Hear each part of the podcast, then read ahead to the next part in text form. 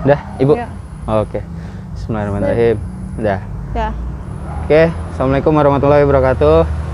Akhirnya bisa ada konten ngobrol lagi setelah sebelumnya sama Mas Andreas Arsono dan sebelumnya juga ada ngobrol sama Pak Torik Haddad di Tempo. Sekarang ada Ibu Ajeng, Dwi Ajeng Widarini ya? Iya, gimana sih? Dos- dosen jurnalistik dan jurnalistik sih di masih di Mustopo. Oke, dosen jurnalistik di Universitas Profesor Dr. Mustopo. Eh, karena basicnya Bu Ajeng ini eh, dosen, pendidik, sebenarnya yang mau saya obrolin itu lebih ke versus Bu, praktek dan teori. Oke. Iya, praktek dan teori. Khususnya apalagi di masa pandemi kayak sekarang. Bu ngelihat eh, sinkronisasi yang paling pas di praktek dan teori itu apa Bu?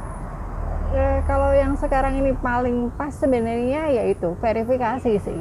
Ih, verifikasi. Verifikasi udah tidak ada eh, tidak ada hal lain yang dibutuhkan oleh masyarakat selain verifikasi atau informasi yang dapat dipercaya oleh seorang jurnalis atau praktek eh, jurnalisme. Hmm. Karena sampai kapan pun situasi dan kondisi apa pun itu tidak akan merubah fungsi dari jurnalistik itu sendiri untuk memberikan informasi yang memang dapat dipercaya oleh si eh, pembacanya atau eh, pendengarnya atau audiensnya. Jadi balik lagi mau nanti dia itu turun ke lapangan di lokasi ataupun hanya melihat dari kalau sekarang kan press conference hanya via zoom dan Mm-mm. segala macam itu nggak nggak masalah. Asal apa? Jurnalisme pencarian data pencarian fakta itu dilakukan secara sungguh-sungguh dengan melakukan verifikasi terhadap data dan fakta. Hmm. itu yang harus dipegang. Jadi eh, bukan hanya saat pandemi dengan kemajuan teknologi yang sekarang ini ada orang mulai bergeser misalnya. Hmm. orang mulai bergeser. Informasi yang tadinya cuma eh, diberikan oleh media sekarang ini banyak juga diberikan maksudnya diberikan oleh media masa arus utama gitu ya. Sekarang banyak juga diberikan oleh eh, influencer atau apa pun. Perorangan. perorangan individu. Nah eh, ada ada kekhawatiran nggak bahwa jurnalisme itu itu akan mati? Ya ada kekhawatiran. Hmm. tapi lagi-lagi keberpihakan seorang jurnalis itu harus berpihak kepada kebenaran yang diperuntukkan untuk masyarakat untuk kepentingan orang banyak. Hmm. Jadi itu yang menjadi pembeda Hmm. menjadi pembeda antara seorang jurnalis dengan influencer mungkin Hmm. itu. Kalau dia kan kepentingan mungkin mungkin bukan bukan letaknya pada bagaimana menguji kebenaran, tapi letaknya bagaimana saya Mendapatkan uang. mendapatkan misalnya viewers yang banyak Hmm. atau ini isu yang menarik untuk diangkat atau enggak.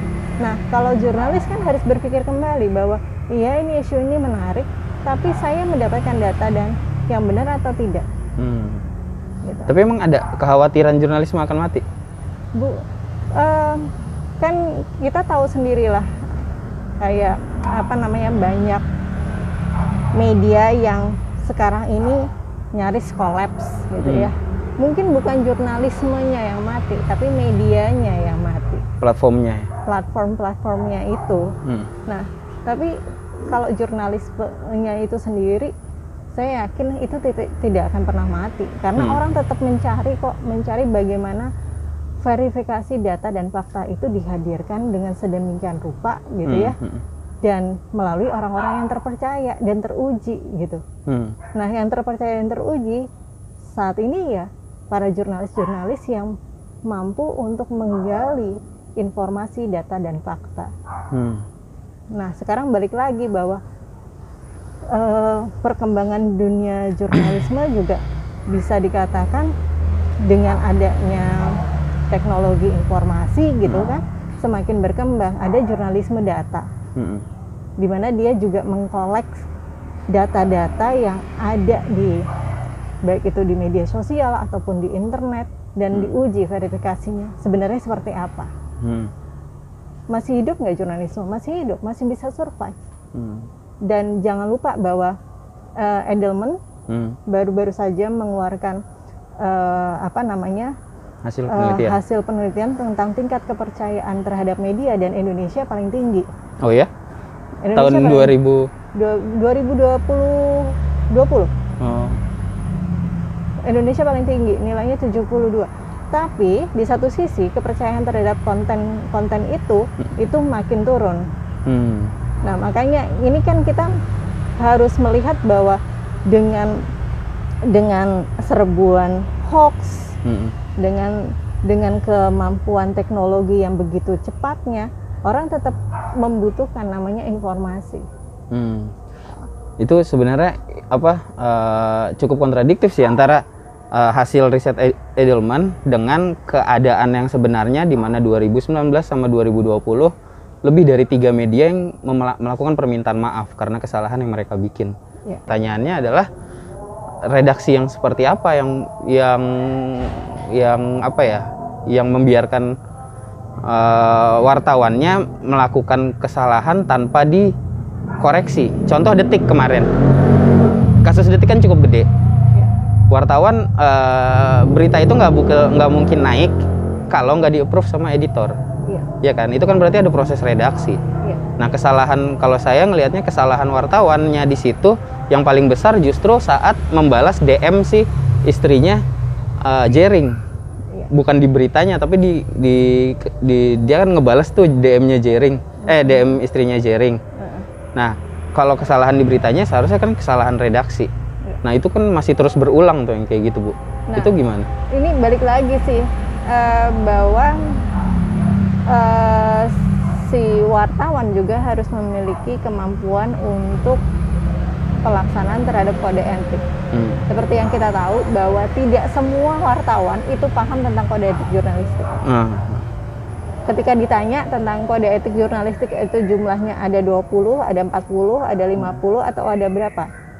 Jawabannya beragam, ada yang bilang 20, ada 40, ada yang 50 gitu. hmm. Ter- ternyata kan kode etik jurnalistik cuma ada 11 emang ada yang jawab gitu bu ya ada aja oh, oke kan lagi-lagi eh, makanya itu berbalik lagi kepada bagaimana pemahaman si jurnalis itu terhadap pekerjaannya dia hal-hal apa yang harus eh, dia eh, cermati ketika dia mengemban mengemban Tugasnya. atau tugasnya gitu sebagai seorang jurnalis dia Hmm. harus sadar bahwa saya seorang jurnalis itu saya memegang peranan yang cukup penting Hmm. dalam masyarakat Hmm. saya bukan cuma untuk menjaring clickbait Hmm. saya bukan cuma untuk oh iya saya kalau dulu kan kita iya kan biar bisa nonton konser gratis apalah gitu ya istilahnya gitu iya iya iya iya istilahnya iya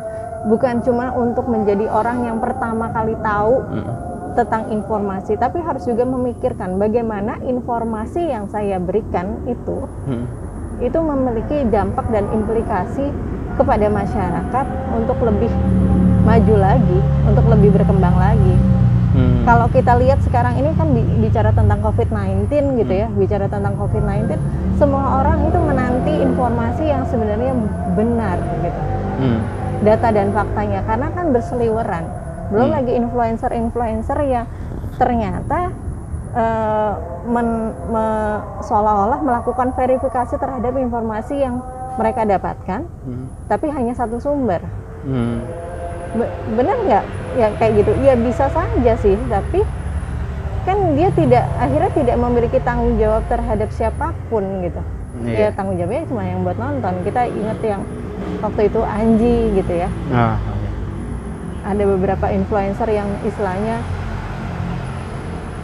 eh, apa terbawa oleh konten yang tidak dia Betul. verifikasi Hmm. terlebih dahulu dia saring terlebih dahulu akhirnya Hmm. ya jadi blunder di masyarakat Hmm. Kasus tapi kalau kasusnya Anji it- salah satu pembelaan dia juga kan itu karena dia berani dia berani ngomong kayak gitu dan mengangkat mengangkat si konten itu karena dia ngerasa udah banyak media sebelumnya yang ngebahas. Jadi sebenarnya kesalahannya ada di mana nih? nah itu Hmm. tadi eh, riset eh, dulu Pak Stanley, Hmm. ya, Stanley bilang bahwa media online di Indonesia itu ada 48 ribu. Nggak tahu jumlahnya karena saking banyaknya, Hmm. saking banyaknya. Dan sering kali eh, hoax itu berputar. Hmm. Jadi dari media sosial, dari media sosial, lalu berputar ke media, Hmm.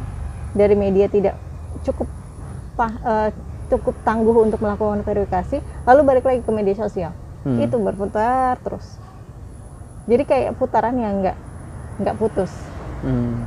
Tapi untuk orang awam kan susah bu buat ngas buat akhirnya motong ini, apalagi kalau berita-berita yang dikira hoax atau yang dianggap hoax itu naiknya di media arus utama yang banyak dipercaya orang media yang kredibel gitu. Nah, makanya eh, tahun 2019 sebenarnya eh, Mustopo juga melakukan eh, penelitian riset tentang kepercayaan terhadap media. Media arus utama tetap menjadi patokan sebenarnya, menjadi sandaran Hmm. untuk melakukan verifikasi. Nah, sekarang balik balik lagi, ruang-ruang redaksi ini cukup tangguh nggak untuk bisa melakukan verifikasi. Nah, belakangan ini juga ada beberapa media yang memang sudah mendapatkan sertifikasi eh, sebagai eh, media yang terverifikasi untuk me- jadi kalau misalnya kamu lihat tuh ada ada checklistnya tuh ICRF Hmm. lah segala nah Iya, itu iya, ya iya. itu yang disebutkan bahwa media-media ini akhirnya tergabung untuk me- memberikan informasi-informasi yang mengcounter informasi hoax. Nah, Hmm. memang nggak nggak bisa nggak bisa putus sih karena informasi hoaxnya luar biasa Hmm. dan peran media masyarakat lalu orang-orang yang punya pengaruh cukup besar itu menjadi sesuatu hal yang tidak bisa dilepaskan sekarang Hmm. gitu. Kalau saya melihat sih balik lagi bahwa eh, sekarang ketika ada media yang bagus gitu ya, Hmm. masyarakat Indonesia mau beli nggak? Nah iya benar. Kalau ada media yang bagus yang melakukan verifikasi, hmm. apakah eh, masyarakat ini mau berlangganan atau tidak, atau hanya mengharapkan gratisan? Hmm. Karena saya yakin bahwa media yang bagus, jurnalisme yang bagus itu juga harus ditopang dengan apa? Dengan finansial, Hmm. dengan kemampuan eh, pembiayaan dan pendanaan untuk tugas-tugas jurnalisme itu kan sendiri juga tidak mudah atau Hmm. tidak murah Hmm. gitu ya. Iya iya. Itu kalau kalau ngambil gambaran dari industri buku, eh, Muammar MK tuh pernah bilang eh, buku fisik sama buku digital sebenarnya eh, keuntungannya sama. Cuma yang jadi agak miris banyak peminatnya buku digital. Cuma peminatnya peminat gratisan, Iya. bukan peminat beli. Nah, Karena mereka ngerasa ya udah bisa dapat gratis, apalagi yang sering eh, nge-share ya. dan mengatasnamakan ini uh, membantu penerbit eh, membantu penulis padahal Penulis. uangnya nggak pernah nyampe gitu kan nah itu juga mungkin sama sama yang dibilang Pak Torik dari Dirut Tempo tentang uh, kualitas karya jurnalistiknya ini uh, sudah bisa diusahakan untuk dibikin uh, sekarang tinggal lihat masyarakat mau beli atau enggak Iya. di situ kan ya berarti ya Iya. Nah, kalau misalnya eh, saya sih udah udah nyari, udah nyari tahu, udah nyari data tentang eh, bukan kemampuan tapi kemauan masyarakat untuk membeli eh, kualitas dari konten-konten yang eksklusif lah ya bilangnya. Iya. Nah, itu belum belum ada data pasti ya? Udah ada data pasti belum? Eh, baru mau melakukan riset lagi tahun 2021 ini Hmm. tentang kalau misalnya media itu berbayar Mm-mm. si masyarakat mau beli atau enggak itu kan Hmm. persoalannya karena kan ketika mereka ber- beli gitu ya berarti kan ada nilai ketertarikan dia terhadap konten Mm-mm. dan ada rasa tanggung jawab lebih dari media Mm-mm. gitu ya kalau saya sih melihatnya gitu ya Hmm. ada tanggung jawab lebih karena dia dia di akan dibeli kalau memang kontennya bagus dia Hmm. akan dicari kalau kontennya bagus Mm. kalau kontennya itu memang eh, Layak jual. iya layak Hmm. dijual atau bisa dikatakan mendapat eh, mempunyai impact yang luar biasa buat masyarakat Mm-mm. kita pernah merasakan bagaimana susahnya mencari tempo misalnya di edisi edisi tertentu Iya. kita berani bayar berapapun majalah itu Hmm. pernah merasakan berarti kan itu kan eh, ada ada rasa kepemilikan ada rasa keingintahuan yang besar dan rasa ingin mencari kebenaran yang real gitu ya yang memang merupakan sebuah karya dan kita menghargai karya itu dengan membeli Hmm. gitu Iya. Nah kalau misalnya ngomong-ngomong tempo tadi ya, uh, Pak Torik juga pernah bilang uh, sebenarnya kalau ngelihat kondisi sekarang justru sangat miris kata dia gitu karena apa yang dulu dirasakan majalah Tempo nggak dirasakan di majalah Tempo edisi PDF, nah nggak iya. dirasakan di situ. bahkan ada orang-orang tertentu yang dengan seenaknya istilahnya nge-share PDF-nya Tempo yang menurut saya ya itu tidak tidak beretika, Hmm. tidak beretika karena eh, wartawan-wartawan itu work so hard loh untuk Hmm. bisa mendapatkan berita-berita tersebut dan kita dengan santai membagikannya, nge-share apa segala macam. Itu termasuk pembajakan nggak sih? ya masuknya penjajakan lah, Masuknya pembajakan ya? karya. Hmm. Ya sama aja kayak kita beli silan Tempo akhirnya kan Oh, iya. gitu kan. Oh, iya benar sih. Mereka nggak dapetin apa-apa kan?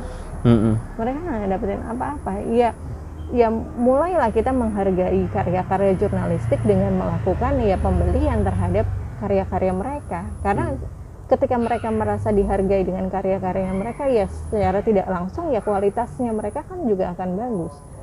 Nah, eh, saya nggak tahu eh, di Indonesia ini eh, bisa dikatakan juga kan sekarang kan oligarki media yang Iya, Ya, menguasai. seperti yang kita menguasai termasuk dengan konten-kontennya juga bisa dikatakan ya kalau itu kalau ada isu-isu tertentu biasanya agak serupa Hmm.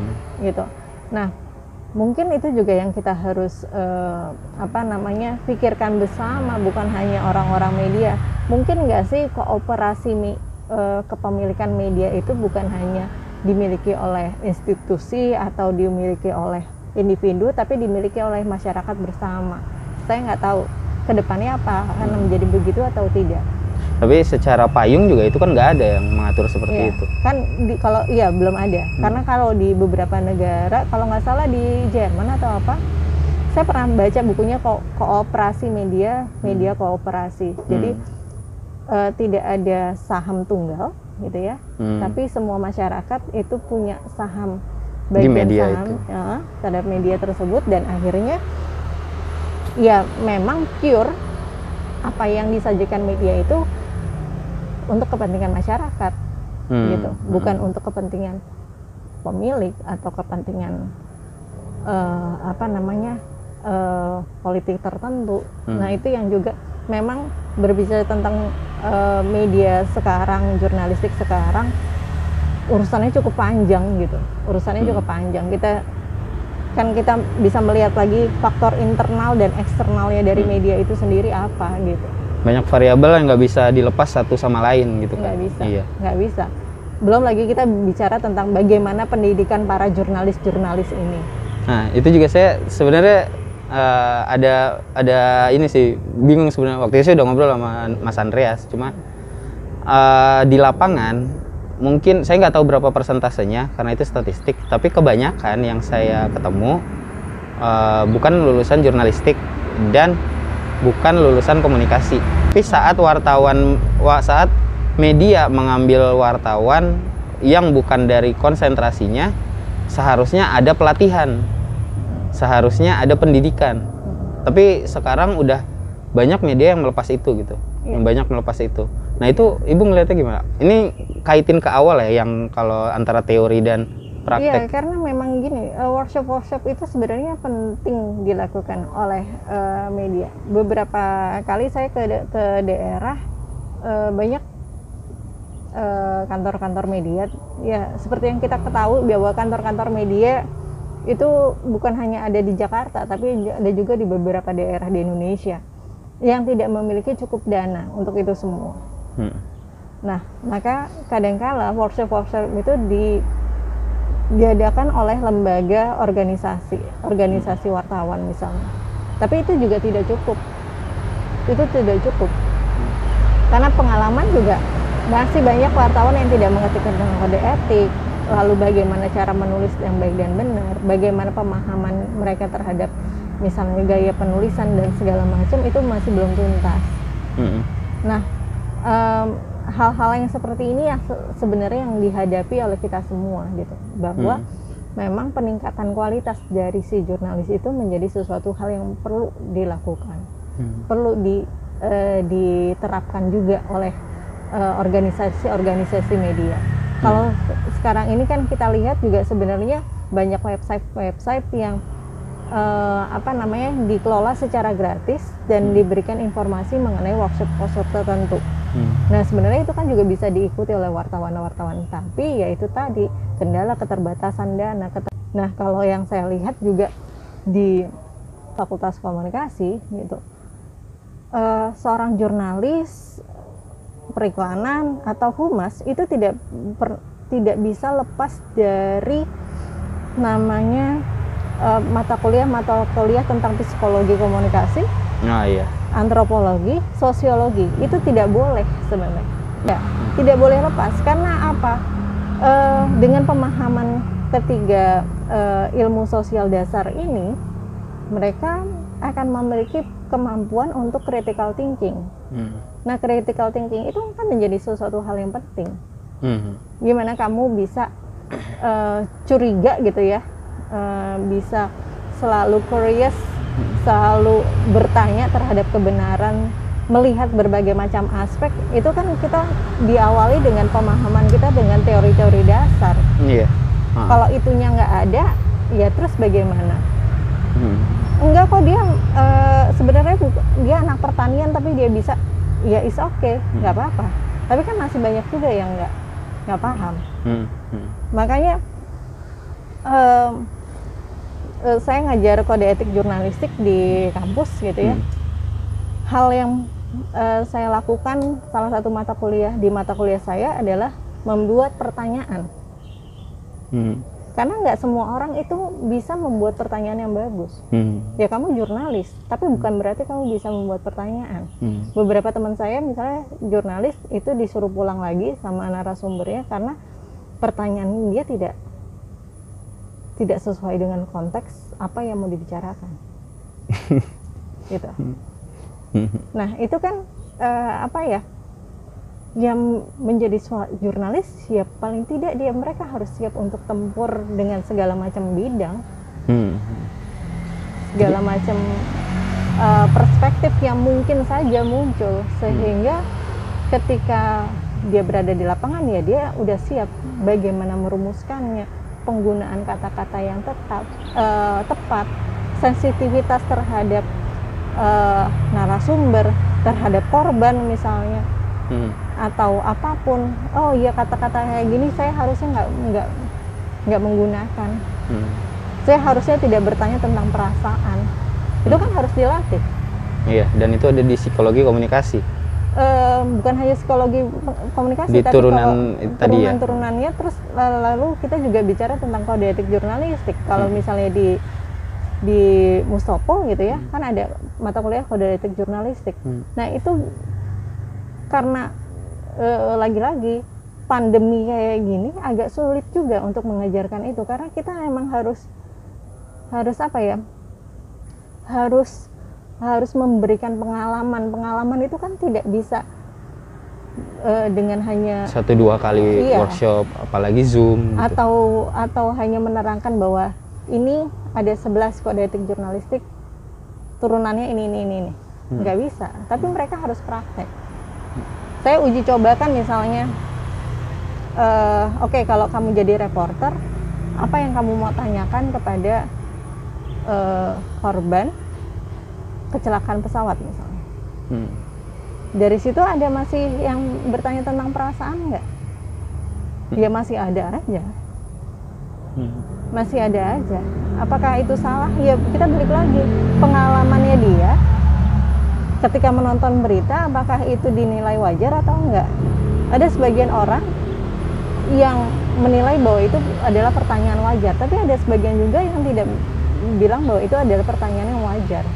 Nah itu itu yang sebenarnya kita harus gali bahwa empati itu yang harus ditumbuhkan. Empati kita sebagai seorang jurnalis itu harus ada. Makanya empati itu akan muncul ketika kita berperilaku sebagai seorang jurnalis yang berada di lapangan, pertanyaan-pertanyaan apa aja yang harus kita ajukan? Hmm. Sesuai atau tidak? Hmm. Saya akan menghakimi korban atau tidak? Hmm. Kan periode Janu, eh, dari Januari lah sampai sekarang itu kan berita-beritanya luar biasa ya. Hmm. Bukan hanya COVID, Bencana pesawat, alam. Bencana alam, terus ada beberapa kartus artis lain. Dan kita se- semua melihat itu di media. Framingnya gimana? Gitu, Hmm. gitu kan. Dan wartawan harus bisa uh, menggunakan critical thinking itu tadi untuk melihat framing-framing media yang ada. Iya. Hmm. Sebenarnya bukan hanya jadi wartawan, jadi Masyarakat biasa juga. jadi apa Iya. ya? Ya paling nggak ketika kamu mahasiswa kamu harus bisa mengedepankan critical thinking kamu. Itu Iya. yang membedakan kamu dengan orang yang lain gitu. Hmm. Dan ini sebenarnya uh, kalau ngomongin critical thinking ibu ya, Uh, uh, salah yang isu kemarin gede yang presiden minta kritik. uh, saya mau minta pandangan ibu nih. Hmm. Kalau saya ngelihatnya uh, sekarang kata kritik udah bias banget. Kritik kritik itu nggak gampang loh. Kritik itu ada teorinya. Bahkan ada prosesnya sampai yang tadi bilang ada critical thinkingnya. Dan di ilmu komunikasi aja sampai bisa jadi satu produk kritis, eh, produk kritik itu ada ada pengalaman, ada perasaan yang dibawa, ada ilmu yang dipakai, baru bisa disampaikan melalui bentuk kritik. Iya. Selain dari itu, di luar dari itu ya mungkin hanya pernyataan pendapat, pernyataan pendapat atau saran gitu. Nah, menurut ibu eh, itu be- bener nggak yang saya bilang atau apa? Soalnya saya nggak tuh kata kritik aja itu udah bias sebenarnya. Banyak orang yang mengartikan kritik kayak penghinaan, kayak apa gitu. Iya, em, gini. Satu hal yang bisa dikatakan kalau di Indonesia itu menjadi budaya gitu ya. Budaya. Kita lebih suka men- menjatuhkan orang dibandingkan memberikan pujian. Hmm. Yang kita jarang sekali memberikan eh, Bentar. Iya, sorry. Hmm. kita jarang sekali memberikan applause. Ini Hmm. saya juga kadang-kadang iya ya, kok saya juga jarang sekali memberikan applause ya. Hmm. Kalau apa ya namanya? Kalau kita menulis surat ke ke orang gitu ya misalnya dan kita melakukan kesalahan, Hmm. ada beberapa teman saya itu tidak menunjukkan dulu kesalahan saya apa. Hmm. tapi menunjukkan dulu iya you did it well apa yang lo lakukan udah bagus namun perlu ditambahkan ini ini ini dia melakukan kritik nggak Iya. dia melakukan kritik Hmm. tapi gaya eh, pengulasannya gitu dia mencoba untuk bagaimana kita juga tidak dimatikan rasa eh, apa namanya curious kita ke tahap yang berikutnya Hmm. Nah kan beberapa dari kita kan selalu kayak ah lu jelek lu kayak gini lala lala tapi kita tidak mendapatkan reason why. Kenapa gua jelek? Eh tayangannya Dani itu jelek banget apalah gini gini gini gini. Oke. Harus kan ya harusnya kan dia melihat dulu bahwa iya tayangan ini coba cukup udah cukup bagus. Namun ada beberapa misalnya dalam teknis dalam apa dalam apa itu kan kita lebih senang dong menerimanya Hmm. dibandingin kita cuma mendengar bahwa ini jelek banget tau nggak nggak ada ininya nggak ada ininya nggak ada ininya Hmm. Apalagi di media sosial. nah iya Hmm. nah itu yang saya melihat bahwa eh, berbicara tentang critical thinking itu itu juga bukan cuma bagaimana kita memikirkan eh, apa hal-hal yang harus dikritisi Hmm. tapi bagaimana juga kita menyampaikan hal-hal yang kita kritisi Hmm. gitu dan lagi-lagi kita semua harus belajar Hmm. untuk memberikan kritis eh, memberikan eh, apa apa untuk mengkritisi sesuatu tanpa menjatuhkan Hmm. Dan kritik pun bukan menjatuhkan kan? bukan Iya. bukan tapi kan buat sebagian orang kan kalau cara penyampaiannya eh, berbeda Nggak enak di hati. itu ya itu kan kayak udah nggak enak kayak di hati Iya. udah menjatuhkan gitu ya iya Hmm. ya kan eh, apa namanya dan itu itu lagi saya lagi-lagi belajar dalam ruang kelas saya maksudnya iya saya sebenarnya nggak boleh ya ngomong kayak gitu sama mahasiswa Hmm. karena tidak empowering dia Hmm. Tidak empowering dia kan sebenarnya kalau kalau kita melakukan kritik kan kita harapannya adalah melakukan empowering terhadap seseorang Hmm. Kita dikasih tahu koreksinya di mana dan kita dikasih tahu juga eh, yang mungkin seharusnya dilakukan kayak gimana gitu ya. Mm-mm. Iya. Nah, itu yang tadi saya waktu yang waktu isu kritik Joko Jokowi minta kritik itu naik kan banyak banget tuh kanan kiri kanan kiri kanan kiri yang sampai akhirnya saya narik garis lurus nih orang sebenarnya arti kritik tuh gimana sih? Bias banget atau gimana? Iya. karena emang udah ada pencampuran dari kebudaya budaya atau kebiasaan yang itu ya menganggap kritik itu ya Eh, menjatuhkan ya iya, apa gitu. Padahal kan tidak menjatuhkan. Mm-mm. tidak menjatuhkan. Tapi the way kita mengatakan itu akhirnya menjadi akhirnya oh ya dia dia ini nih golongan ini dia golongan ini dia golongan ini. Padahal ya mungkin ya ya tadi gaya bahasa dan bagaimana kita menyampaikan kritik itu ya memang harus harus harus dicoba lagi gitu Hmm. dan pengetahuan pengetahuan tentang apa yang mau dia kritik Uh-uh. Hmm. Iya, kayak misalnya saya ngeritik gaya ba- baju orang gitu, "Eh, gila ya pakai baju nggak bener banget. Hmm. Ya nggak bener aja menurut gue gitu. Ya gitu kan? ya nggak bener aja menurut gue. Aneh banget bang, warnanya gini. Ya dasarnya apa gitu kan? dasarnya nggak suka aja ya gitu gue nggak suka aja. Ya udah gitu, selesai. Tapi kan tidak tidak tidak tidak mem acknowledgement dia tidak memberikan pengetahuan gitu ya bahwa oh ya baju ini eh, keluaran ini apa segala macam ya harusnya kan itu ada harus dimiliki ya ya emang ya jatuhnya akhirnya apa? Ya nyinyir aja lu emang emang nggak suka aja gitu.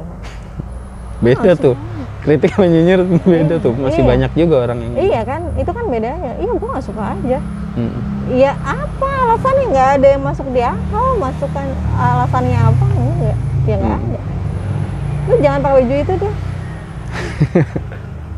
Bu, balik lagi tadi ke yang apa? Konten berkualitas. Eh, si saya pernah baca di apa bukunya Innovators Dilemma ada eh, eh, Clayton Clayton Carstensen kalau nggak salah bilang eh, 4W 4 dari 5W 1H itu 4 sebenarnya udah nggak relevan dipakai di era sekarang.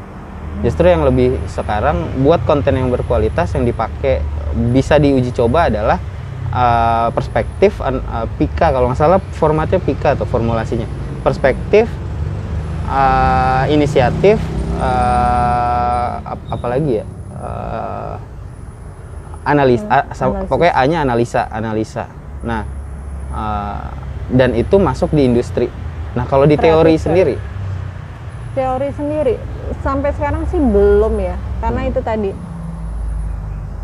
eh budaya literasi kita rendah hmm. Hmm, iya. padahal padahal nih ya orang bisa nulis itu kan gara-gara membaca Hmm. Jadi Ada. gimana di gimana kita semua mau menghasilkan sebuah karya yang bagus Hmm. itu berpulang lagi apa yang kita masukkan ke dalam pikiran kita. Hmm. Semua orang bisa menulis, tapi yang punya bobot kan cuma beberapa. Hmm. Saya juga masih belajar gitu. Yang punya alur yang bisa emang enak itu harus berlatih Hmm. bertahun-tahun.